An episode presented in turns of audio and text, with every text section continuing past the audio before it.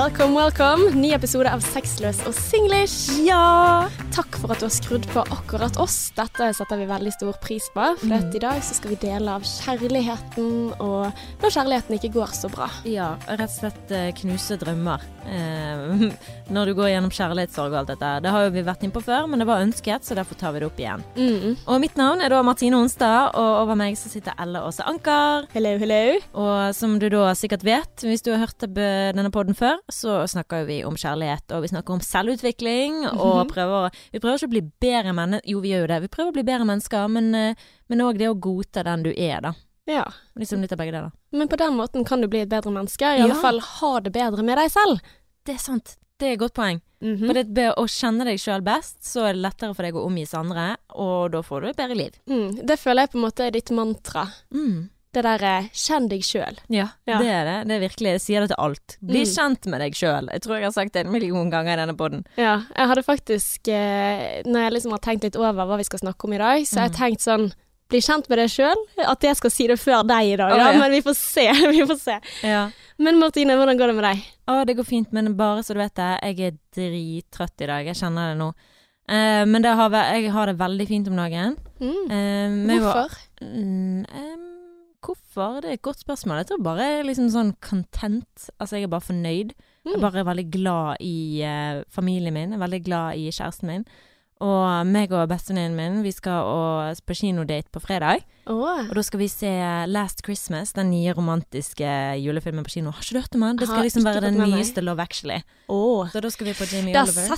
Setter du listen høyt, altså. Hvis du sier Ja. at dette her er den nye Love Actually. Men det viktigste er at jeg så traileren og tenkte at dette var den nye Love Actually, og så sto det det på Bergen kino. Oho. At dette var den nye Love Actually. Så jeg tenkte det når jeg så traileren, så jeg skjønner at de sier det. Ja. Men eh, så den skal vi det, Da blir det date, så jeg har noe å glede meg til. Det er jo godt å ha noe å glede seg til, sant. Ja, Sammen ja, ja. med jul nærmer seg med stormskritt. Jeg vet det, og ting begynner å falle på plass i huset. Mm. Um, så, og vi har fremdeles to sofaer til salgs, så sjekk det ut på Finn. Hva er det heter Gjelle et eller annet? Ja, det er sånn designsofa Oh, ja. ja. som vi ja, prøver å selge. Men uansett, uh, vi kranglet litt grann, uh, i går. Mm. Uh, Jeg har jo ikke kranglet på veldig lenge. Vi krangler jo ikke lenger, det har vi sluttet med. Jeg vil ikke kalle det krangling, da, men jeg ble steik forbanna. Og han tok opp videokamera og syntes dette var så morsomt, så han filmet meg. Her når du var sint? Ja, jeg var jo ikke sint-sint, men jeg følte at Adrian pisset på jul i går. For vet du hva han har gjort? Han er veldig søt. Husker du i fjor så, kjøpt, så tok, fikk jeg en julekalender fra jobben hans? Mm. Ja. I år så har han kjøpt en, en sånn sjokoladekalender til hver av oss. Mm. Og det er veldig koselig, for han er jo litt sånn grinch. Yeah. Og ser ikke helt poenget med å pynte og sånn.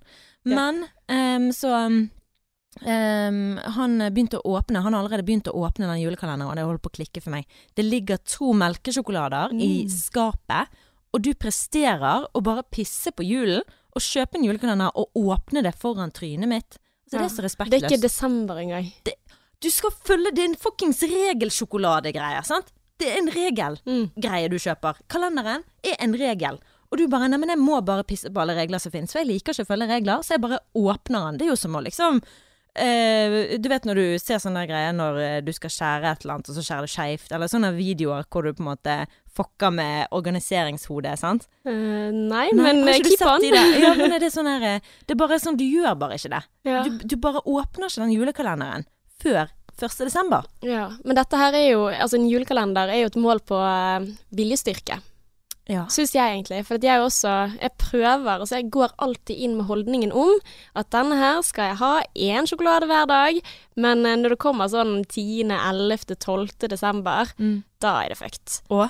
Ja ja. Da Da ja. begynner jeg, og så tenker jeg at um, julaften, den feirer jeg aldri hjemme uansett. Jeg har ikke med meg julegave, altså julekalenderen med meg på ferie når jeg skal reise på, juleferie. Mm. Åh, jeg begynner alltid å tulle med ordene, sorry.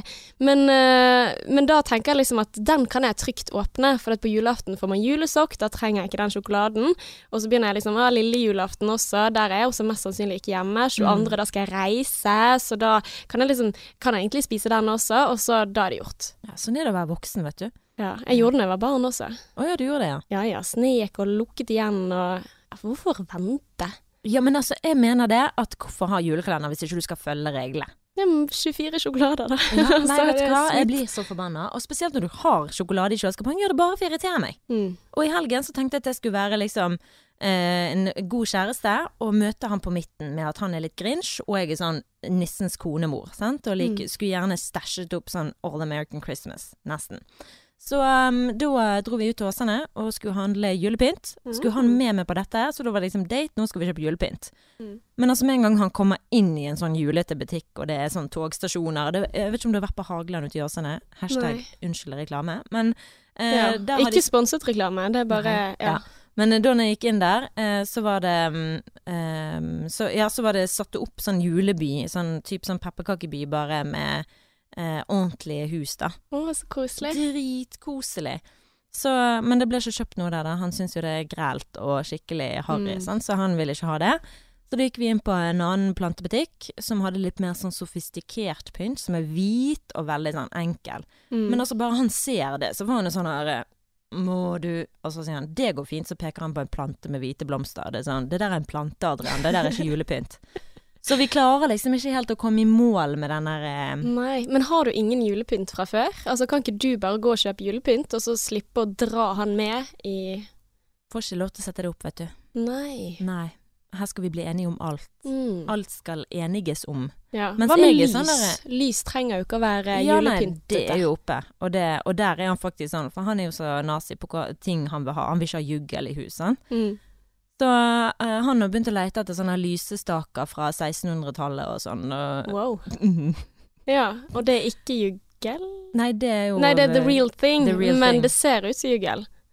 Ja, det er jo øyet som ser, selvfølgelig. Ja, eller, eh, men det er jo Altså, det ser jo ganske likt ut som Ja, det gjør jo det, bortsett Ja. fra at det er ekte. Men han er litt sånn sånn eh, For han, jeg sa det at Så du er fuckert ikke fornøyd? Med Mm. mindre jeg reiser til Fyllingen, møter Olga på 90, som har brukt 10-20-100 år av sitt liv på å lage denne her egenstaken. Hun har en storhet og den var arvet av Mm. Altså, sant? Det må være sånn hjemmelaget og Ja, nei, jeg har sikkert masse, altså, for jeg har jo så mye rot nå. For jeg Mm. har ryddet ut av boden og tatt vare på mange ting som Altså, jeg har tatt vare på alt som jeg har laget, som jeg har skrevet, som eh, Altså, det er så mye kaos hjemme, så jeg kan sikkert ta vare på noen av disse her eh, stygge julefigurene jeg lagde på SFO i barndommen. Ja, så kan jeg gi dem ja. til Adrian. Du kan si til Dette her er laget med hjertet, Adrian. Er det Ja, greit? Ja, men for det er det som er greien. Den statuen i seg sjøl som jeg så på på, eh, på en av butikkene, som er sånn tinnsoldat, vet du, som er ganske fin, hvit Mm. og sølv. Men hadde den vært laget med kjærlighet, da hadde det vært greit. Men siden det er gips, så er det ikke greit. Men kan ikke du late som? Ja. altså, denne her har en historie. Altså, for det er ikke det en sånn Friends-episode hvor eh, Phoebe eh, er veldig opptatt av at alt skal ha en sjel? Av møblene når han jo, bor med det. Ja, Rachel. ja. Og så har hun kjøpt den på Ja, stemmer det. Alt er kjøpt på Barneys, og så, så har hun da funnet på alle disse tingene eh, som disse tingene har vært igjennom. Mm. Så kanskje du skal liksom ta litt inspirasjon derfra? Ja, men det går ikke an å lure Adrian, vet du. Mm. Det er kan du, det, det kan drite fanden i å lure han. Han, eh, han ja, Mm. ser gjennom alt, og han skjønner alt. Han kan se på noe at dette her er bare skvip, eller ja. Ja. Men apropos eh, Friends, da, siden Mm. jeg fikk referansen. Ja. Hvordan gikk det på fredag? Ja, du sto ute og hamret på døra, du. Det gjorde 11. jeg. Jeg gjorde det. Ja. Og det var det vi sa på poden også, klokken elleve. Ja, og Ja. jeg trodde jo at døren kom til å være åpen òg. Jeg hadde ikke peiling på at de kom til å lukke den. Mm. Eh, for det var to episoder vi spilte ut. Eh, det var veldig gøy, men fy flate så ut av komfortsonen jeg måtte gå. Mm. Eh, fikk rollen da som det her lesbiske paret, vet du. Accent til Ross. Og, så det er Susan og Eh, åh, hva er det hun heter, da? Ja. Hun heter noe på L, føler jeg. Tusen og Ja, ja. Ja, ja. Men jeg spilte de to samtidig. Å ja, hvordan I samme scene. Nei, og så måtte jeg ha, for å gjøre forskjell på de da, så måtte jeg legge til dialekt og sånn som dette her. Og Ja, for dere spilte på norsk? ja, vi spiller dette ut av episoden på norsk, og så kommer Carol. det liksom Carol. Ja. Mm. Og så kommer det sånne utfordringer underveis, da, hvor du må liksom trekke en lapp og bare Ja, nå skal den eh, Carol skal spilles med en kinesisk barnestemme. Oi. Og jeg bare Kinesisk barnestemme? Så da begynte jeg sånn ja, ikke snakke sånn Jeg bare sånn, jeg visste hvordan en kinesisk barnestemme Hun bare sånn Du kan snakke late kinesisk. Jeg bare Å, king kong kong kong. Og jeg bare vet ikke Hvordan gjør du disse tingene? Så du måtte jo ut av komfortsonen så sykt. Det er sånn teatersportaktig. Ja, det var sånn live on stage at du plutselig må gjøre det. Og så fikk jeg beskjed i den ene scenen at eh, jeg skulle danse moderne dans mens de gjorde eh, replikkene sine. Så skulle jeg ta Oi. moderne dans. Jeg bare sånn Moderne dans, vet ikke søren hva det er. Så gikk jeg ut i spagat, og jeg liksom i unket meg bortover scenen, liksom sånn. Du skulle sett meg. Altså, Men kan du spagat? spagat? Nei, liksom liksom spagat. Sånn. Du Ja. gikk liksom bare ned i sånne her, eh, Wow. rare positurer og jokket deg bortover scenen og Jeg tror ikke det heter moderne dans. Nei. eh. Garantert ikke. Men uh, jeg gjorde i hvert fall det kreative, fant det kreative i meg. Ja, så bra. Åh, jeg er så lei meg for at jeg ikke fikk det med meg. Ja, og Adrian fikk det heller ikke med seg. Gjorde ikke han? Hvorfor? Og han lovte at han skulle komme, og så ringer han ved pausen, typ sånn amerikansk film, bare 'Hei, hvor er du henne?' Mm. 'Nei, jeg kommer meg ikke herfra'. Jeg bare 'Nei, du kommer ikke i det hele tatt?' Var med på julebord. Mm. Um, 'Nei, jeg, jeg får ikke Jeg kan ikke stikke'. Jeg bare Nei. 'Nei vel'. Men han hadde ikke kommet inn uansett. Nei, det er sant. Fordi at eh, jeg skulle jo på quiz, Ja. som varte fra åtte til elleve. Mm. Kjempelang quiz. Men i alle fall eh, Ja, jeg kan ingenting, men det var veldig gøy allikevel. Men eh, da hadde jeg liksom fått med meg de, da, fordi at du var så snill og satte meg på gjesteliste, og jeg føler meg så VIP, så jeg tenkte sånn ja ja, seff, sant. Eller sånn Ella med venner? ja, åh, det er så hyggelig. Det er så vanvittig hyggelig. Jeg ble kjempeglad for det, Martine. Takk. Men eh, jeg var litt trist når jeg ikke kom inn, da, når det var låst. Men Ja. igjen så er jo det Når det er en forestilling, så kommer du ikke midt i. Nei, det var jo det, da. Men det hadde jo gått fint, for det var jo en pause, sant. Midt i. Mm. Men, men. Du, uansett, tanke som teller. Jeg er veldig glad for at du sto på, for det var bildebevis av at du sto på døren. Jeg tenkte jeg måtte sende det. Hadde du trodd på meg hvis ikke? Ja, selvfølgelig. Du, Ja. du er ikke sånn vittig til å lyge til noen. Å, oh, ja, eller kanskje jeg er for god til å lyve. Ja, you never know. Maybe, baby. Men hvordan går det med deg? Nå har det vært mye mas for meg her. Uh, jo, jeg hadde en uh, smådramatisk episode på fredag. Uh, jeg, jeg er blodgiver, da. Eh, er du Ja, oh my god, stemmer det. Ja, jeg er det. Men jeg er jo eh, sånn her eh, Hva det heter når du skjermer deg? Eh, sånn karantenetid. karantenetid. Oh. Fordi at jeg var i Colombia i januar. Ja, stemmer. Stemmer. Og så er jo det sånn at du må svare på et ganske sånn omfattende spørreskjema før du går inn. Og da spør de blant annet sånn har du hatt noen sånn kraftige blødninger de siste månedene eller noe sånt. Så kom jeg på dette her med det der neseblodgreiene. Husker du jeg sa det at jeg blødde så mye neseblod? Så jeg rapporterte det inn der, og hun bare nei da, det går fint, det går fint. Så tenkte jeg sånn ja ja, ok, greit. Eh, Jeg er veldig glad i å gi blod. Tenker at det gir Liker det veldig godt. ja, men altså, jeg blir alltid litt svimmel når jeg kommer inn i blodbanken. altså, det er jo på en måte ikke Det er jo ikke kjekt, men samtidig så tenker jeg det er viktig av mange grunner. Mest fordi at jeg er litt hypokonder, og så vet jeg det at de tar tester på blodet mitt. Yay, Mm. Mm. Og du forbrenner masse kolorier, og du trenger ikke å trene. Yay. På brenner du kalorier? I didn't know that. Mm, så det, men jeg har hørt at det er bra for kroppen, da. Så i, i tillegg til eh, det veldedige, for blod kan ikke erstattes, det kan ikke fremstilles kjemisk. Hvis eh, du kommer på sykehuset, så er du avhengig av at folk gir blod, så det er Mm. veldig viktig. Så, men det som skjer, er at eh, når eh, jeg er ferdig, så stopper det ikke å blø. Altså, han skal sette på plaster, men det stopper ikke. Det stopper ikke, og jeg sitter der i en halvtime, og det fortsatt ikke stoppet. Og så begynner jeg å tenke på dette spørreskjemaet rett før jeg gikk inn. Dette her med kraftig blødning. Å, fy faen. Dette neseblodet. Faen i helvete. Å, shit. Jeg må være alvorlig syk. Det er liksom det jeg tenker når han skal bort og sjekke igjen, og så tar han av det der plasteret, og det fortsetter å blø, og jeg bare Det svimler for meg. Og jeg faller liksom rett bak i stolen og besvimer der og da. Og så eh, kjenner jeg liksom dette her ganske lenge, da, og folk blir jo stresset rundt meg. Og jeg hørte også at det er sånn smitteeffekt, så hvis en blir dårlig i blodbanken, så blir alle det. og så, så kommer de og legger sånn her klut i pannen på meg. Han henter chips i skapet, spis dette her, og legger meg ned, trekker ut denne stolen og gjør det om til en seng. Altså, det er jo dritpinlig. Så det jeg kjenner på der, er jo en dødsangst, sammen med sosial angst samtidig, fordi jeg kjenner denne oppmerksomheten rundt. Oi, dette her er så flaut. Eh, men jo, OK, jeg får bare akseptere det, at jeg er alvorlig syk akkurat her. For da, da hadde jeg liksom tenkt at ja, ja, kroppen gir jo meg beskjed om at dette her er jo skikkelig gale, i og med at jeg blir så svimmel, og ja. Men jeg har besvimt før i forbindelse med blodgivning, så det, det er jo ikke så rart. Mm. Uh, men nå uh, fikk jeg i hvert fall behovet mitt dekt. Uh, de tok sånn ekstra undersøkelser og sånn, og alt er A-OK. Så Å, guri. Men for det verste er jo at vi sender meldinger med deg når du holder på med dette. mm. Sånn helt random. Så du bare er nettopp besvimt. Jeg bare what the fuck is going on? Jeg trengte det støtte der, da. For jeg satt der og altså, For det er jo også sånn Jeg, jeg, jeg er sånn stillegråter. Sånn som bare at det renner sakte det det var fra øynene. For jeg hadde jo tenkt at nå har jeg en alvorlig sykdom. Heldigvis så hadde jeg ikke det, da.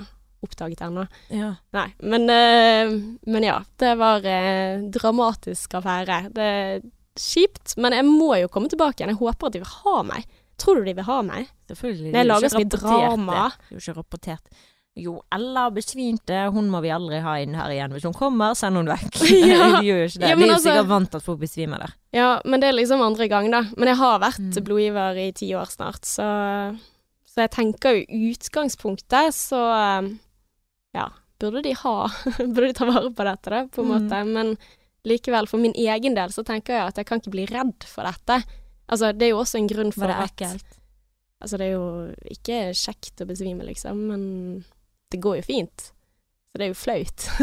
men altså, det svimlet jo på nytt når de ringte på vaktlegen, for at han, han fyren som, eh, som stakk meg, da, han, eh, han ble også litt bekymret, da, for han var litt sånn ja, ifølge resultatene så skal du ha masse blodplater, dette skal ikke skje. Og da ble jeg sånn, skal ikke det skje, skal ikke det skje? Ja, nei, jeg tror jeg sitter her litt til til jeg venter på legen. Så, ja. Hva sa legene? Nei, og så når hun begynte å snakke om dette her med min bekymring om neseblod og sånn, sånn, så svimler det for meg igjen, så jeg får ikke egentlig med meg hva hun sier. Men jeg kjenner liksom den der at jeg sitter der og sier 'det går fint, det går fint', og så kjenner jeg likevel at jeg er litt sånn våt i øynene og sånn. Det er så pinlig, jeg vet ikke. Men eh, ja, det, det var min helg. Litt sånn Ja. drama. Ja. Men jeg liker når det skjer drama i livet ditt. Det, det, men det var jo litt vittig, for jeg sendte jo melding, sånn screenshot til deg av en eller annen sånn meme, eller hva det heter, meme, eller sånn. Eh, det, hva var det for noe? Hva Det var et eller annet med å fake eh, sykdom. Ja, for å vinne et eller annet. Hva heter den? Jodel? Ja, det var Jodel-greier. Ehm, så sendte jeg Norge Jodel, for det her sto det sånn på Norge Jodel. Var så trøtt på jobb i morges at jeg tenkte å ta en powernap på dogulvet i ti minutter. Våknet en time seinere av at sjefen sto over meg og spurte hva faen som skjedde. Ble så redd at jeg sa jeg hadde svimt av. Han kjørte meg på legevakten. Og da tenkte jeg på deg i forhold til det der med at når ting har gått for langt, at du liksom Du bare tar den videre og Ja. videre. Og, det, og akkurat når jeg hadde sendt den en time seinere eller en halvtime seinere, så hadde du besvimt. Mm. Det er sykt. Random. The universe. The universe, what gives. Mhm, Steike. mhm. Men ellers så har jeg det bra, altså. Ja. Ja. Flyttingen, hva er ståa? Eh, nei, nå er det nøkkeloverlevering i dag. Endelig så ble jeg kvitt den ene, kan levere det fra oss. Eh, så i helgen har vi på en måte selvfølgelig i siste øyeblikk eh, funnet ut at nå må vi tømme den boden. Så har vi holdt på til ganske seint i går da, for å kjøre siste rest og sånn. Så nå har jeg bare liksom stablet alt dritet, annet i stuen og i garasjen. Så nå gjelder det å sortere og kaste. Og jeg hater å kaste, Martine. Mm. Jeg hater å kaste ting, eh, og så klarer jeg heller ikke å bare kaste ting uten å se på det først. Men det er da jeg finner masse skatter. Ja! Sånn som jeg har funnet, eh, altså, funnet sånne gamle brev. Mm. Var du sånn som hadde brevvenner og sånn når du var liten? Nei, men jeg vet at folk hadde det. Nei, Ja. hadde det, tror jeg. Nei. Jeg eh, burde ikke hatt brevvenn, tror jeg, fordi at jeg hadde Altså, jeg skrev Var, var litt dårlig på rettskrivningen, da, men jeg okay. hadde i alle fall eh, ehm, og i utgangspunktet var nok ikke jeg en sånn typisk sånn brevjente, men jeg hadde noen venninner som var det, og da skulle ikke jeg være noe dårligere enn de, der, så jeg tok kontakt på sånn eh, Jeg tror det var det der bladet Julia, eller Ja, sånt. ja, det husker jeg, Julia. Ja, og der var det sånn kontaktannonser. 'Ønsker brevvenn', eller noe sånt. Åh, Så ja, jeg fikk meg en brevvenn. uh, og så når jeg leser dette her, så lurer jeg veldig på hva jeg har sendt til henne.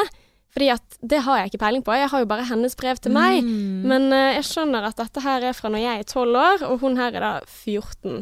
Så skriver hun Hei, Ella. Hvis du virkelig liker denne gutten, eller de guttene, hmm, uh, så må du ikke gi opp. Høyden betyr ingenting.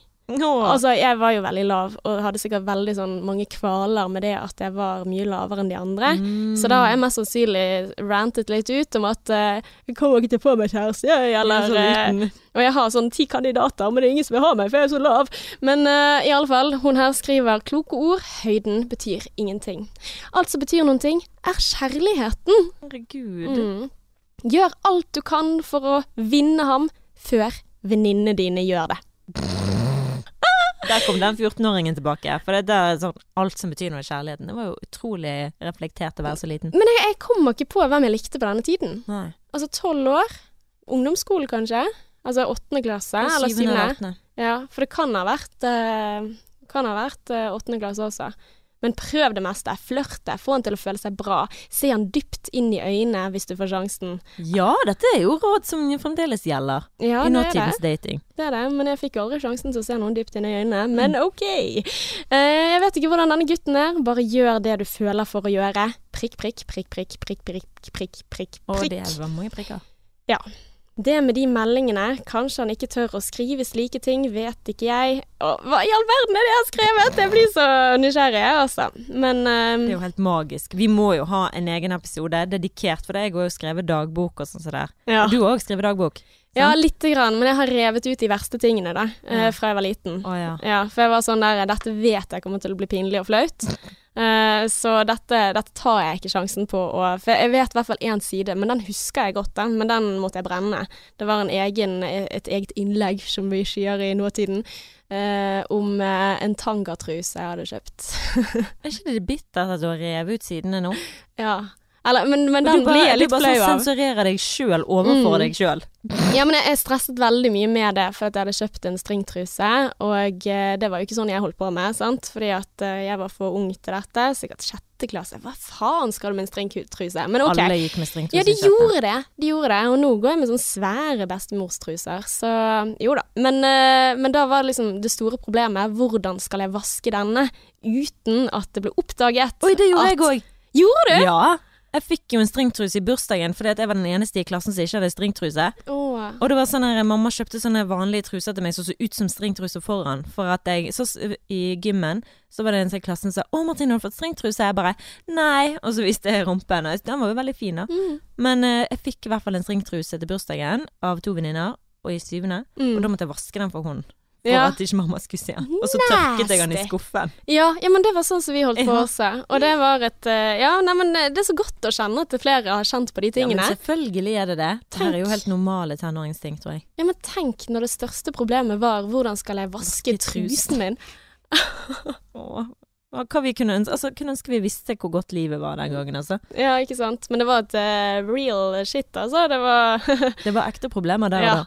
Men vi må dedikere en egen episode til det. For det, Mm. det tenker jeg sånn Det er en fin greie å se tilbake på. For gjerne når man ser på nåtidens eh, dating, så Mm. kan man kjenne igjen. Og det jeg elsker med mine dagbøker, det er at jeg har skrevet dag for dag. Og inngående om kjærlighet. Og du vet jo hvor opptatt jeg har kjærlighet den dag i Ja, dag. veldig. Og at jeg faktisk har det, og kan se hvordan jeg tenkte Mm. da jeg var 13 i den eh, alderen der. Mm. Eh, Men kan, det er kjenner du det igjen, eller? Eh, ja ja, jeg kjenner det igjen. Ehm, definitivt. Men det der å være forelsket i en ny fyr, det husker jeg ikke. Men jeg husker jo at jeg var dritforelsket i David uh, i Øygarden. Mm. Vi var jo sammen, det er jo ikke noe hemmelighet. Eh, så han var jo bare magisk. David i Øygarden. Ja, fra jeg var syv, nei, jeg gikk i syvende klasse, var jeg forelsket i han, og så ble vi sammen først når jeg gikk i tiende. Mm. Å, herlighet, så heldig du var da. Mm, da var jeg heldig. Og det var sånn, Ja. får jeg David, så skal jeg gifte meg med han. Jeg, husker, jeg, husker, jeg husker hvor jeg gikk hen da jeg sa det. Mm. Eh, da var jeg på ungdomsskole og var på vei til butikken, og vi gikk ned en sånn sti. Og da sa jeg hvis jeg får David, da skal vi gifte oss. Men det skjedde jo ikke. Uff da. Ja, Men det var mitt valg, så det er helt greit. det. Ja. Begge sitt valg, Ja. ble vi enige om. Mm. Ja, nei, det er greit når det, det er ditt valg, Mm. men uh, når det ikke er det, det er jo litt det vi skal snakke om i dag. Ja! Steike, det var en god Jeg har eh, jobbet i radio i mange år, vet du, sant. Jeg kan alle de tørre overgangene. Vi går over til dagens tema. Da, vet du, da tusler vi over i dagens eh, topic, som er hvordan komme over drømmemannen. Presentert av en av våre kjære lyttere, som rett og slett har spurt om det. Mm. Eh, kan man, dere snakke litt om hvordan man skal komme over drømmemannen? Og det skal jeg love deg ikke er lett. Det vet jeg alt om. Mm. Ja, for du har vært i heftig kjærlighetssorg. Åh, ja. Jeg tror folk har vært i verre. Du skal ikke sammenligne, men ja, den var jævla tung, altså. For Mm. det tok år og dager for meg å komme over det. Dette var jo da i 2015, og nå er vi fire år seinere, og det kan fremdeles stikke innimellom. Jeg kan kjenne på det. Det tror jeg kommer til å kjenne på for alltid. Mm. Og jeg tror det verste er, nå skal jeg ikke gå helt sånn inn i det, vi skal snakke litt om det, men det verste er når du ikke får, som jeg har sagt før, avslutningen. Mm. Så vi har jo da googlet litt grann til hvordan man kan komme over det. Har du vært eh, borti kjærlighetssorg? Altså, jeg har ikke hatt denne heftige. Det har jeg ikke. Uh, men igjen så har jeg bare hatt ett seriøst, Ja. langvarig forhold. Og heldigvis har jeg ikke hatt kjærlighetssorg over han. Mm. Knock on wood. Ja, altså virkelig. Men, uh, Men altså sånn, jeg har jo selvfølgelig vært skuffet i møte med kjærligheten, men jeg har nok aldri liksom fått den veldig Altså, det er jo litt sånn Man kjenner jo ikke kjærlighetssorg der det ikke er kjærlighet, på en måte. Altså at det har vært mer sånn stikk i Skuffet. Selvtilliten, Ja. mer enn at jeg savner Ja. en annen. At det har vært mer på en måte bittert å tape. Kan det gi mening? Yep. Så, så jeg har liksom ikke hatt den der eh, If I can't have you, I don't want nobody, baby. Altså, jeg har liksom ikke hatt den der eh, Altså, bare deg er den eneste muligheten. Altså, så, så jeg liksom Ja. Men eh, jeg har jo kjent at det har stukket, og det har jo stukket opp igjennom i det forholdet jeg er i også. Altså, jeg tenker jo på en måte at eh, Altså, det har jo vært perioder hvor ting har vært eh, vanskeligere, og man har kjent på den frykten for å kanskje ikke dette går. Og det er jo helt jævlig. Mm. Altså, det er jo faktisk helt forbanna jævlig. Jeg vet ikke Mm. hvordan jeg ville taklet det. Um, så, så ja, jeg, jeg håper at jeg slipper å oppleve det, men altså, sannsynligheten for at man opplever det en gang i løpet av livet, er jo stor. Men. Holdt ut i ti år, skal holde ut i ti år til. Ja. Mm. Hver dag eh, Nei, men jeg er helt enig. Jeg vet ikke hva jeg skulle gjort heller hvis det hadde skjedd meg nå. For nå har jeg virkelig sluppet den inn, og det har tatt tid, det òg. Men altså, for meg, da, den følelsen som alle snakker om eh, i forhold til det å møte drømmemannen. Hva er drømmemannen? Drømmemannen er ikke nødvendigvis noe på en liste. Mm. Drømmemannen er en følelse som man får. Ja. Og den følelsen jeg i hvert fall fikk, som sikkert denne personen her òg, det er at nå gir alt mening. Mm. Dette var det jeg ventet på. Dette er den følelsen alle snakker om, at nå har du møtt den rette. For det at det er bare en kjemi der som er helt sånn wow. Jeg bare tror du bare føler at du har møtt din person. Mm. Og det at det ikke stemmer du, eh, det, det, det kunne bli, Jeg kunne blitt lagt inn på Sandviken, for å si det sånn, og det er jo en institusjon her i Bergen. Eh, men altså virkelig, du kan bli gal av det. For det, for meg så var det like virkelig at han var the one, selv om jeg har det, absolutt, Vi kjente hverandre i to måneder. Mm. Vi kjente hverandre i to uker. Altså, jeg var man i to uker i Bergen før han reiste. Og så det er ingen rasjonell grunn, eller en rasjonell greie. Sant? Det er jo helt sånn For en fremmed så er det sånn Hva er det som feiler deg? Eh, hvordan kan du få følelser for noen i den dybden på så kort tid? Mm. Og det gir jo ingen mening, egentlig, når du ser på det sånn som jeg sa rasjonelt. Men var det mange som møtte deg på den måten at du overreagerte på en måte, siden dere hadde vært sammen såpass kort? Altså Nei, det er bare mange som har reagert veldig i ettertid Oh, ja. på at liksom What the fuck? Hvordan går det an å få de sterke følelsene på så kort tid? Oh, ja. Men jeg tror ikke det, det er ikke noe du kan forstå med mindre du har vært der. For det er bare en kjemi, Mm. som jeg sa. Det er, ikke, det er ikke rasjonelt. Det er ikke sånn at 'å, han var flink til det, og han var bra til det'. Det var bare sånn Her klikker det. For en eller annen merkelig grunn så er det bare sånn Føles dette veldig riktig? Mm. Uh, men når du, den personen ikke er et sånn utrolig det beste person for deg, Mm. på noe som helst måte, um, så sier du seg sjøl at ikke det går i lengden. Så jeg kan skjønne den følelsen, altså den følelsen av å bli fratatt det. Du blir bare helt sånn Mm. Hva gjør jeg nå? For det, for meg så var det ikke sikkert at det skulle bli meg og han, som alt annet. Mm. Jeg var sånn Nei, men herlighet, vi kommer til å vare. Det var ikke noe snakk om noe annet. Det var bare en sånn selvfølgelighet som bare lå inni meg. Og ja, jeg føler, jeg føler meg sånn ko-ko som sier det, og man føler seg ko-ko når den andre personen tydeligvis ikke bryr seg i det hele tatt like mye som det du gjør. Mm. Og hvis andre ikke forstår det. Ja. Altså, det må jo ha vært ganske vondt hvis folk også sier til deg at hvordan går det an? For greien er at det går jo an, du har jo opplevd det. Altså, og du opplevde det da når du fikk de beskjedene fra andre. Og en av de viktigste tingene er jo å få sosial støtte på, Mm. på de tingene som gjør vondt, da, tenker Mm. jeg. Men så spørs det, litt sånn som når eh, Altså hun som har sendt meldingen, hvordan komme over drømmemannen. Da har du allerede på en måte Ja, du har sagt at ja, jeg ønsker å komme meg videre, men du har fortsatt definert denne personen som drømmemannen. Akkurat sånn som deg også. Hva er løsningen på dette eh, helvete du går igjennom? Er det å bli sammen igjen med eksen? For det, det er jo på en måte det å akseptere det at nei, det er ikke det som er løsningen på Mm. dette eh, grufulle eh, mørket som er kommet over meg, på en måte. Mm. Det å finne en annen løsning enn å håpe på at du kan få han tilbake igjen. Ja, for det, det er jo overhodet Jeg er jo veldig takknemlig for at han tok sånn avstand til meg som han gjorde, at han ikke eh, prøvde å få meg tilbake, eller at han ikke fucket med meg sånn, for jeg hadde jo vært helt lost, sant. Jeg hadde Mm. gjort det som han ba om. Altså, jeg hadde eh, Det må jeg bare si, sant. Jeg hadde, hadde ikke vært sterk nok til å takle det i det hele tatt. Mm. Selv om jeg føler meg som en sterk person. Så har jeg heller blitt det etterpå, men jeg hadde ikke vært det i forhold til han. Ikke i det Mm. hele tatt.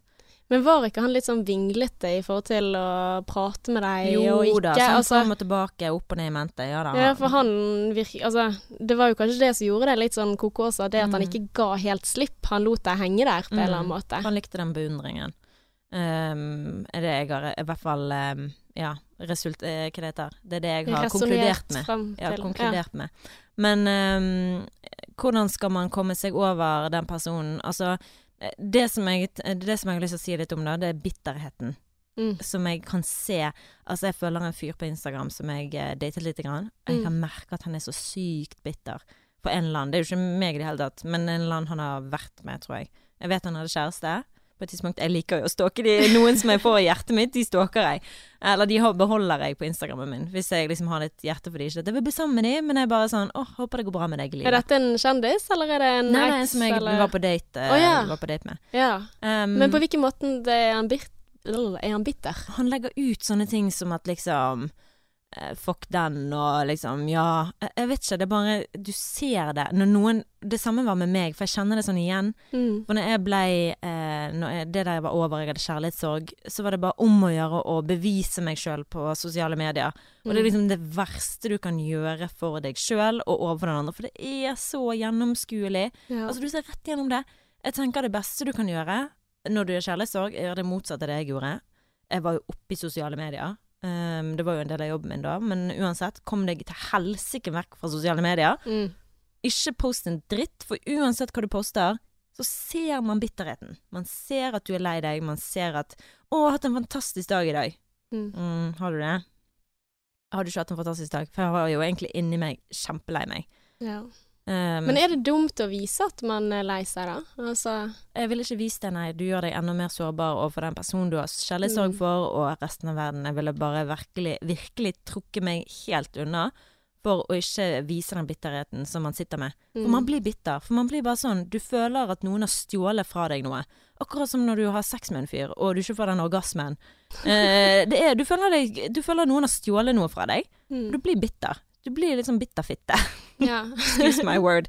Wording my uh, speaking my language. Men uh, Men det er jo det å bevise overfor seg selv, da, kanskje aller mest mer enn omverdenen, at jeg er bra nok, så jeg, jeg, jeg får livet til. Altså, sånn som du sier at ja, jeg kan kjenne det igjen med de som er som man vet går igjennom en veldig tøff tid, så har de kanskje ikke vært aktive i sosiale medier på tre-fire år, Mm. og plutselig så er det daglig bang, bang, bang, og i dag så var jeg på, ute på det, og nå var jeg ute på det, og mm, Wow, se livet på toppen av denne fjelltoppen. Nei, men, men samtidig så tenker jeg jo det er jo akkurat det som du bør gjøre. Ikke nødvendigvis å poste det på sosiale medier, men det å gjøre kjekke ting for deg selv. Ja, men ikke poste på sosiale medier. Og da mener jeg vær så snill. Hvis ikke du er vant Hvis ikke du normalt sett poster, for det merker jeg jo sjøl Det er jo litt sånn forskjell fra Martine når hun er singel og Martine i forhold. Mm. Når jeg var singel, så postet jeg mye, mye mer, og var mye mer aktiv med følgerne mine enn det jeg er nå i forhold. Mm. Jeg har liksom ikke behov for det. Men jeg tror det er en veldig fin ting som du kan gjøre for deg sjøl, å trekke deg unna sosiale medier. Det gjør deg enda mer attraktiv òg, selv om det ikke er det som er målet. Mm. Så er det det som skjer overfor den personen du prøver å komme over. Trekker du deg unna, trekk det vekk. Mm. Ja, jeg tenker på en måte at eh, Ja, det er et poeng det der med at du blir mer sårbar, særlig hvis du poster for å vise overfor eksen hvor bra du egentlig har det, som du egentlig ikke har det. Altså, jeg, jeg ser jo den, men så tenker jeg likevel at det er ikke det viktigste. Det er at verden eller andre skjønner at du er såret, whatever. Det er ikke det som er viktig.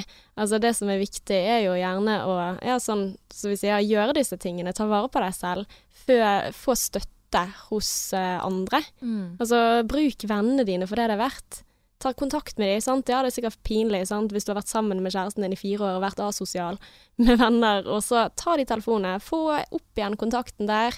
Begynn å trene. sant? Få eh, i gang kroppens naturlige eh, lykkeproduksjon av endorfiner og dopamin. Altså, prøv å finne ut hva, hva er det dette forholdet har gitt deg, på en måte, eller hvor er det du skal videre i livet? Mm. Finne ut hvem er du nå? Altså, fokuser på de mulighetene du har. Det tenker jeg. Altså, det å gå ut av et brudd Altså, ja, jeg skjønner at uh, man kan ikke ta det jeg sier, for jeg har ikke opplevd det på den måten, men, uh, men det der å, å få en sjanse til at den neste du møter, kommer til å møte deg og den du er i dag, Mhm. versus altså hvis du har vært sammen med en i fem år, så er du på en måte alltid spor av den du var når du møttes i starten, Mm. og du har kommet ganske langt på fem år. Nå har du liksom verden foran deg. Hvor er det du vil? Mhm. Hva er det som eh, ikke lenger stopper deg i å gjøre det du vil? OK, hva Ja. Prøv å finne ut av det, for jeg tenker at det der å skyve det bort og glemme med å gjøre altfor mange ting, det, altså det er bra å distrahere deg, for jeg tror ikke det er bra å liksom gå ned i den der kjelleren og gruble i hjel hva gjorde jeg galt, eller hva var det jeg burde ha gjort, og hva er grunnen til dette. Altså det tror jeg ikke løser noen ting, men allikevel ikke skyve unna det at du faktisk er i en sorgprosess. Mhm. At uh, du kan godt reflektere over uh, forholdet, men hvem var du i dette forholdet? Hva er det du søker? Hva har du lært om deg selv? Mm. Ja, men det er jo veldig fint, men altså, det er jo en grunn til at eh, folk hele tiden lurer på hvordan man skal komme over en person. Mm. Hvordan komme over kjærlighetssorg? Det er fordi det fins ikke noe svar på det. Dessverre. Du kan ikke trene det vekk. Du kan ikke spise det vekk. Du kan ikke eh, ligge det vekk. Du kan ikke Det går ikke an. Mm. Det går ikke. Eh, jeg har gått gjennom kjærlighetssorg og har absolutt ingen svar på hvordan du skal komme deg over en person. For dette er faktisk eh, ikke opp til deg. Mm. Du kan ikke bestemme det. Ja, men det er trist, men sant. Altså, jeg jobber fremdeles med den der følelsen, og det er ikke, den, det er ikke de følelsene overfor han, men den, hele den der eh, ideen om hva jeg trodde vi var, Ja. som på en måte for, eh, fucket opp med mitt virkelighetssyn. Så det har ikke noe med han å gjøre som person, det har noe med hva det gjorde med meg, og måten jeg da så på kjærlighet på, for jeg trodde jeg visste, og så visste jeg ikke. Det er det som fucker deg opp. Mm. Så ja, det er veldig fint å jobbe med seg sjøl. Jeg gjorde jo det.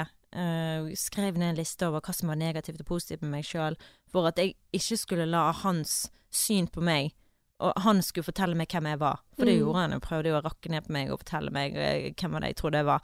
Mm. Og da måtte jeg bare sånn Er jeg så fæl som han liksom mener at jeg er?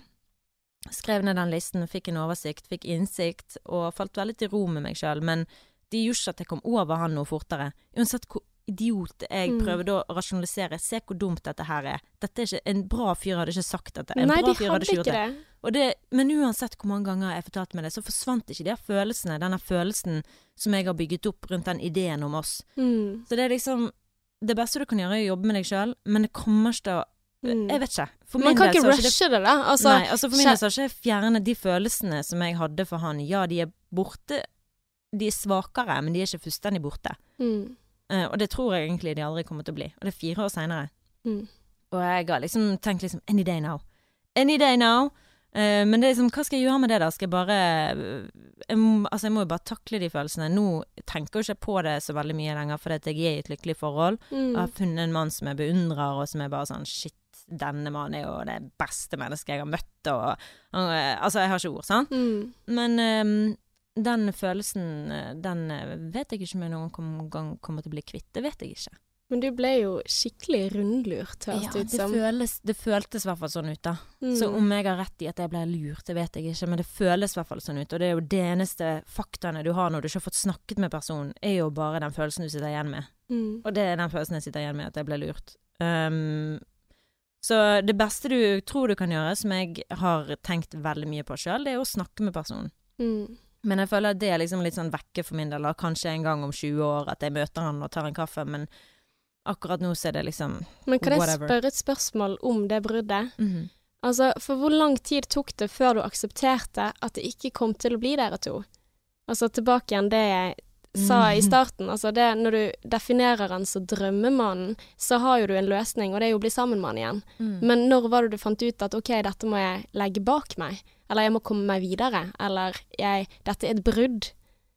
Um, Vi skal ikke bli sammen igjen. um, Kanskje ikke så veldig lenge før jeg møtte eh, Kanskje det tok to år? Mm. Etter han? Ja. Ja. Jeg tror faktisk det tok to år, eh, kanskje. Kanskje ett og et halvt år. Kanskje ett år. Mm. Altså, jeg, jeg begynte å tenke det når han kom hjem og jeg skjønte at han er ikke interessert i å møte meg. ja. Så du hadde Men det hadde- håpet Jeg hadde som håpet, og jeg ja. tenkte det må, han, han tør ikke, eller det er et eller annet som stopper han. Eh, Men det var jo veldig sånn alt jeg hang meg opp i de siste, når jeg ventet på at han skulle komme hjem fra Australia. Ja, nå sa jeg Australia, whatever. Um, men uh, Du har det, sagt det før. Ja, jeg har det, ja. Jeg tror ja. det. Um, men det eneste jeg tenkte på, det som jeg hele tiden holdt fast i, det var at han var langt vekke. Han kunne ikke kommet til meg fysisk. Mm. Så når han kom hjem igjen, så kom han til å ta kontakt. Til å Og så gjorde han det. Og det var det største liksom sånn hjerteskjærende opplevelsen Mm. av at han er 20 minutter unna med bil. Men han gidder ikke å ta seg tiden Mm. til å komme og kjøre og møte meg og snakke med meg. Så det var Wow. første gang du liksom oppdaget den skikkelige Dette er den personen du liksom er forelsket i og håper, og er mm. en som ikke gidder å ta seg tid til å ta prat med deg. Hva menneske er det? Mm. Hvilken person er det som er så selvsentrert og sier, kommer hjem og sier at han ikke har lyst til, og han hadde fått klappetrapp eller trampe eller sånn når han kom inn på vaskeriet, fordi Mm. at alle syns så synd i han, fordi at han har blitt skrevet om på bloggen. mm. Og eh, at han eh, ikke hadde lyst til å ha ansvar for mine følelser. Mm. Det er det han kommer hjem og sier. Hvem faen er det som sier sånn?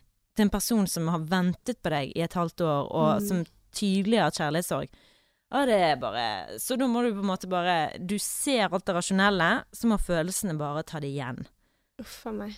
Men sa han det på melding til deg, eller Ja. sa han ja, Mm, på Sånn. melding. hei, jeg kan ikke ta ansvar for dine følelser? Um, nei, han prøvde bare å spille på at det var så synd i han, da. Uh, Mm. Og han mente at alle andre syntes så skikkelig synd i han fordi at han hadde blitt skrevet om på bloggen. Og at han eh, kunne ikke ta ansvar for mine følelser. Eh, Mm. Men hadde du skrevet mye om han på bloggen? Nei, ikke i det hele tatt. Jeg hadde skrevet um, at jeg var Jeg hadde skrevet et innlegg om singeltoget til helvete. Mm. Og det handlet jo da om å sette seg på et tog som var veldig tydelig ødelagt. Men uh, du tenkte dette går fint, og så står venninnen utenfor og bare 'hallo, du må Mm. ikke, gå går av det jævla toget'. Og jeg bare 'dette går fint, tommel opp', og så kommer venninnen inn og Mm. setter seg ned ved siden av. Og så er jeg bare sånn 'hva gjør du her?' Hun bare hvis du skal til helvete, skal jeg være med deg', liksom. Så det var en eh, fin metafor ja. for eh, Ja, Og den nailet jeg, for å si det sånn. Det var flere tusen som leste den. ja Eh, og da kom jo han og responderte med en egen liten sak. Kanskje skal jeg lese den høyt? Ja, gjerne det. Hvis du har lyst til å dele. Jeg kan dele den. Og det var liksom hans tolkning, da, på eh, Og den har jeg lagret på mobilen min. Ok, da har jeg funnet notatet, og dette her er da hans metafor tilbake igjen til meg, og han kommenterte dette på eh, Facebook, på min, når jeg delte det innlegget, og han delte det på Tara Martine. Oi. Jepp.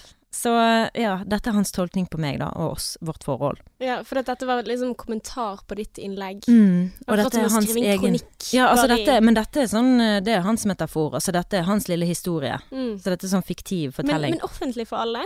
Ja. OK, le, eh, kjør. Ok, jeg slettet det. Klokken var bare 04.50 da alarmen ringte. Han spratt opp av sengen, selv om han var umenneskelig trøtt. Alt måtte være perfekt før de skulle dra. Turen hadde han planlagt over tid, men hun hadde først kommet inn som en storm i livet hans de siste ukene. Han likte godt å dra på tur alene, men det var noe spesielt med dette vesenet. Hun fortalte at hun var fjellvant, men han hadde hatt sine tvil. De hadde trent godt fra tiden de møttes til nå, og han tenkte, bare vi holder oss til planen, så kan det umulig gå feil. Er du sikker på at du takler dette, kom det fra han en siste gang. Ja da, kom det selvsikkert fra henne. Det blir tungt, og det er viktig at vi holder oss til planen, kom det en siste gang. Hun firte ikke på blikket, og han tok det som et ja.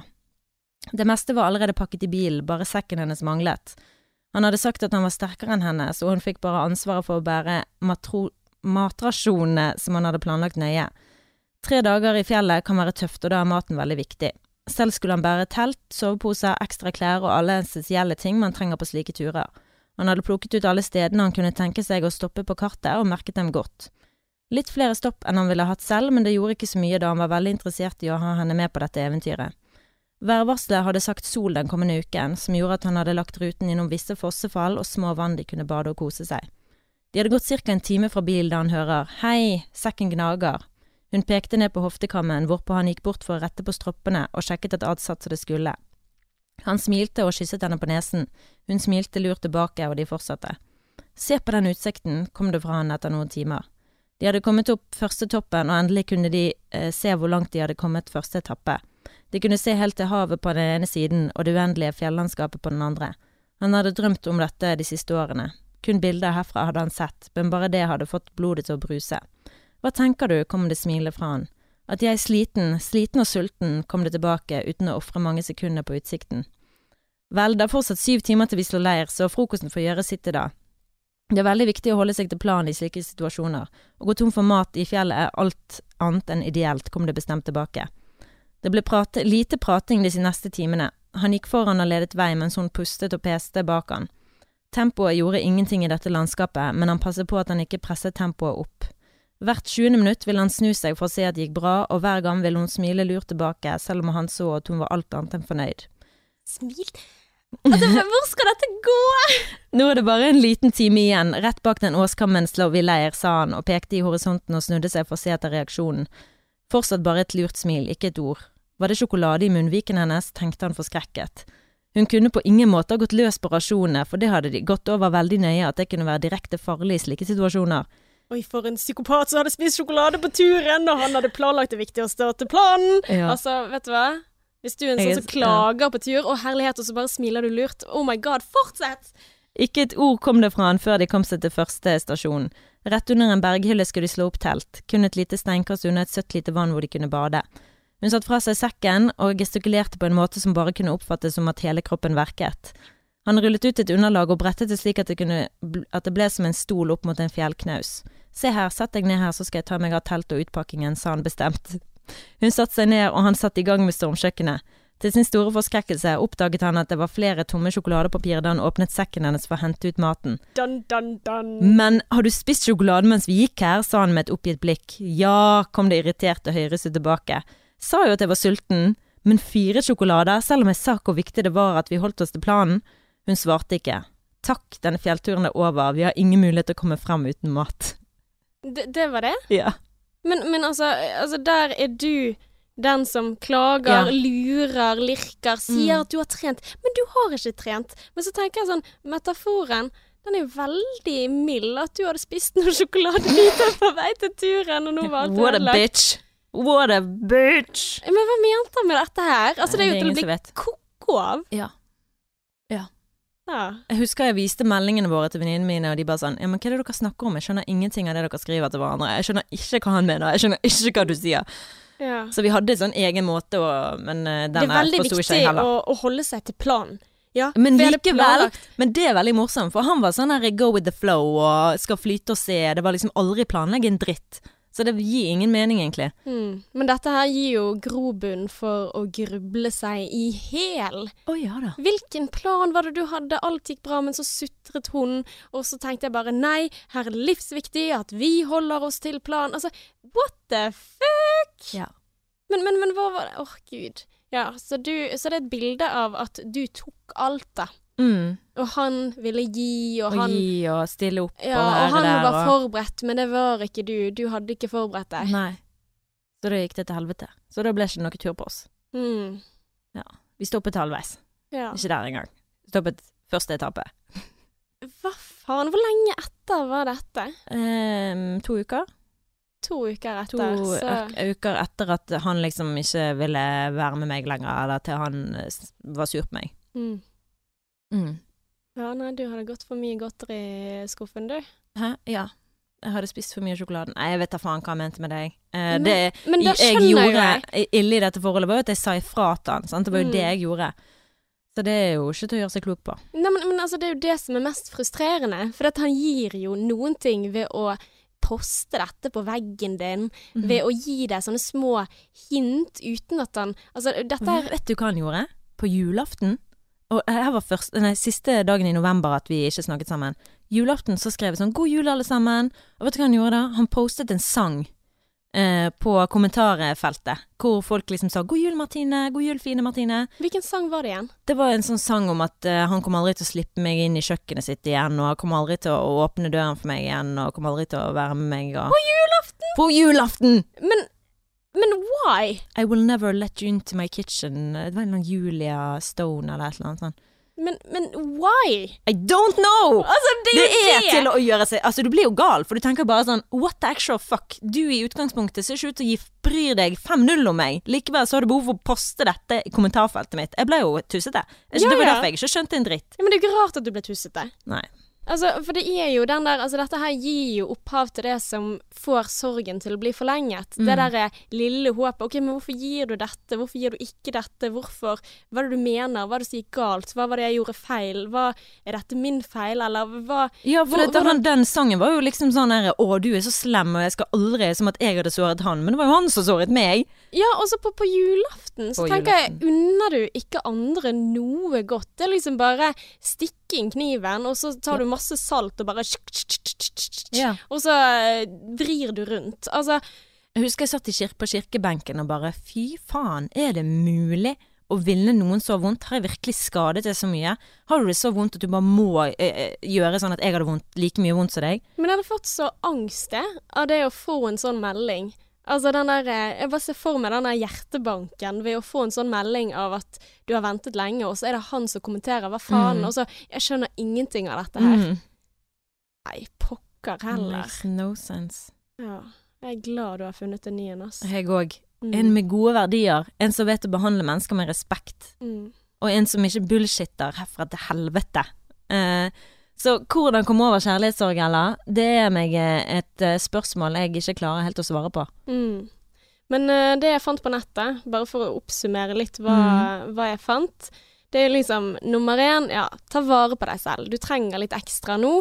Ta og kom deg i aktivitet, selv om du vil ligge nede på sengen og gråte og hyle og sånn, eller dumpe ned i rødvitstanken, holdt jeg på Maria å si. Mena hjalp meg veldig.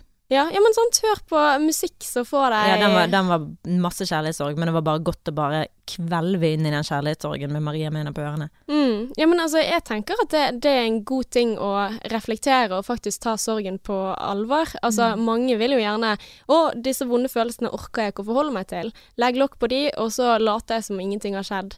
Det tror jeg ikke funker. Altså, jeg tror du må liksom ta de følelsene som er der, men man trenger ikke nødvendigvis å grave seg lenger og lenger ned i den der eh, hva gikk galt, hva skulle jeg gjort annerledes hvis jeg bare gjorde sånn, så kanskje det ikke hadde vært noen ting. Altså, den loopen, da. Altså, det virker jo på en måte for meg som at når du snakker om loopen, at den har du vært i veldig lenge, da. At du Mm. klarte ikke å akseptere at det ikke kom til å bli dere to. Men uh, absolutt. Um, ja, det er forskjell på Det hjalp ikke at en synsk dame sa at vi var sjelevenner òg. Ja, Ikke godt med synsk dame. Nei. Nei. Nummer én. Så ja, det står i hvert fall på nettet at refleksjon er viktig, men grublingen skal du holde deg unna. Og så bør man liksom akseptere dette her at løsningen på sorgen ikke er å finne tilbake til eksen. Mm. Mhm. Så denne glorifiseringen av Oi, oi, hvordan komme over drømmemannen Slutt å kalle han drømmemannen. Mhm.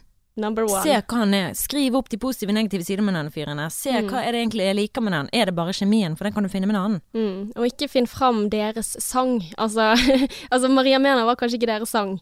Å nei, men jeg hadde, helt, all- jeg hadde helt, en hel lis- spilleliste med våre sanger. Ja, men Så det Så det å liksom høre på de om igjen og ja, om igjen, og, og se på bilder nei, og stalke og sånn, altså Det kan man gjerne Ja. Men finn ut hvem er du, Hva, hvem var du i forholdet, og hvem har du lyst til å være. mm. Må se framover. Og eh, ja, så tenker jeg også dette her med sosial støtte. Altså, det å ha vonde følelser, det er jo ikke farlig. Ja, det gjør jævlig vondt, men de er ikke farlige. Og det er jo en grunn for at eh, vi gråter når vi blir lei oss. Vet du det? Nei. Hvorfor gråter vi når vi blir lei oss? For å reparere? Ja, eller for at andre skal se at oh, ja. nå trenger du støtte. Oh, Vi har, er sosiale vesener, og vi trenger hverandre. Og når det er vondt, så er det, så er det gull verdt å tørre å vise at vet du hva, nå trenger jeg litt ekstra omsorg det her. klarte ikke jeg. Jeg klarte ikke det i det hele tatt. Men det er veldig lurt som du sier nå ut, men jeg bare følte ingen forstår meg. Ingen kommer til å skjønne hva jeg går gjennom. Jeg vil heller, jeg husker jeg har bilder av meg sjøl ligger i sengen min, eller sitter i sengen min, med popkorn og rødvin, og jeg sitter sånn Jeg gråter sånn med sånn Popkornet bare ligger i munnen min. Det er sånn skikkelig komisk eh, filmøyeblikk. Ja, hvor jeg bare sier sånn Øh, jeg var helt hysterisk. Og det var bare sånn, det vil ikke jeg dele med noen. Nei. Men det er noe lurt, for jeg tror du kommer til å møte noen som kjenner seg igjen i det du sier. mm. Og det du forteller. Ja, og, og det, det så jeg faktisk eh, litt sånn eh, Det var vel Frode Tuen, tror jeg, som skrev i, eh, i et innlegg på Nettavisen eller noe sånt, at eh, på generelt basis, altså det er jo på gruppeforskjeller mellom kjønn, så tar det ofte eh, Kvinner tar brudd tyngre med en gang. Men menn bruker lengre tid på å komme seg over eh, ofte. Altså på generelt basis. Det vil si at Mm. det er flere menn som har den tendensen enn kvinner. Men det betyr jo ikke at det er en sannhet. Det er kanskje ikke godt å høre akkurat det der. Men, men det handler om, altså det han snakket om at det handlet om, er at kvinner er flinkere til å få støtte Mm. blant venner. At de gjerne kan gå og si 'vet du hva, dette går jeg gjennom, kan du bli med meg på kino'? Mm. Eh, kan du eh, kan jeg overnatte hos deg, for jeg syns det er så tungt om kvelden å sove aleine? Mm. Eh, og der er vi flinkere til å søke støtte hos andre, mens, uh, mens disse egenskapene kan jo kvinner ha så vel som menn har, og menn kan også være flinke til å søke sosial støtte, men, men det tror jeg er en viktig faktor, da. Mm. Og det må jeg bare si når jeg kommer på det, det er i forhold til det å um, Å, hva var det jeg tenkte på nå? Ja, i forhold til det der med små hintene som man får, Sånn, sånn som du sier, det er ikke rart jeg ble fokket i hodet av de der fram og tilbake-meldingene, hvorfor tar han den kontakten, sånn? Men du må bare fortelle deg sjøl at uansett hva, hvor mye han kontakter deg i sånne litt sånne halvveise former, om det er å sende deg en sang, eller om det er å sende deg en melding klokken tre om natten, så tenker du ja, men hvorfor gjør han det? Ikke overtenk det, bare tenk at hvis han virkelig ville være med deg, så hadde han gjort enda mer for å få være med deg. Mm. Eh, han, hadde, han hadde gjort det som skulle til. Han hadde prøvd å jobbe med forholdet. Han hadde ikke gjort sånn da, Hvis han er så svak, så vil ikke du ha han uansett. Bare sånn, Han som jeg snakker om nå, da, som, eh, som lagde det, han følger med på Instagram nå. I don't fucking know why. Sikkert for å ha- følge med og sørge for Mm. at han vet hva jeg holder på med. Jeg vet da faen. Eller for å holde deg på kroken. Ja, det er sikkert det. Ja, ja, sikkert for å holde med på kroken. Jeg vet ikke, Han vet jo at jeg holder på med den boken, så jeg vet ikke om det er det han eh, I don't Ja. know. Føler du tilbake? Are you fucking crazy? Nei. Men jeg, han eh, Det var jo det at eh, Ja. Mm. Så nei, jeg, gjør ikke det. Mm. Men en annen sånn gøy fun fact jeg fant, da. Det var også Frode Tuen, Tuen, eller nå tviler jeg på om den forrige var Frode Tuen eller noen andre, men i alle fall, han skrev eh, i et sånt innlegg da, at eh, den som blir forlatt, oftere finner seg fortere ny kjæreste. Å ja. Mm. I don't Det er jo noe positivt å tenke på. Ja, men, men det også kan jo da være Eller at litt du sånn prøver å finne en annen for å komme over den andre. Ja. Og det funker aldri. Men eh, ja, med mindre du finner en veldig flott fyr, da. Det hjalp jo for meg på en måte. mm. Um, Men det var ganske lenge etterpå. det var det. Ja. Så det med rebound, det er ikke å anbefale, eller? Mm, Hadde du noe rebound? Hadde mange rebounds, jeg, vet du. Gikk jo på den der eh, som man, den fuckfesten som man ikke skal gå på. Jeg gikk jo bare og tenkte ja, ligge under for å komme over. Det funker ikke. Mm -mm. Du kommer og biter deg i reven, den følelsen, den tomhetsfølelsen. Så det, det er egentlig ingenting som funker. Og det er litt urettferdig overfor de du møter også, på en Nei, måte. one night stands er jo innafor. Det er jo ja, begge men one night stands, men hvis du liksom finner igjen og liksom ja, trøster deg på en periode, og så Ja, det er ikke greit, med mindre du er veldig tydelig på at du, jeg bruker deg for å trøste meg på deg. Ja. Hvis Mens... det går fint, så men samtidig så skjønner jeg jo at man gjør det, og det kan jo ha med den der sosiale støtteeffekten, det. mm. Altså, men jo, jeg tror grunnen for um, den funfacten at eh, det er ofte den som er forlatt som får en fortest ny kjæreste, det er jo gjerne det at den som har bestemt at dette her ikke er oss to, den har kanskje brukt lengre tid på å bearbeide det på forhånd, og har kanskje grunner som at jeg vil finne meg selv, Ja, eller kanskje han ikke har lyst på forhold. Mm, akkurat. Mens den som blir forlatt, eh, mister noe. Ja, og derfor leter etter det, da, for det Ja. var jo det jeg mistet.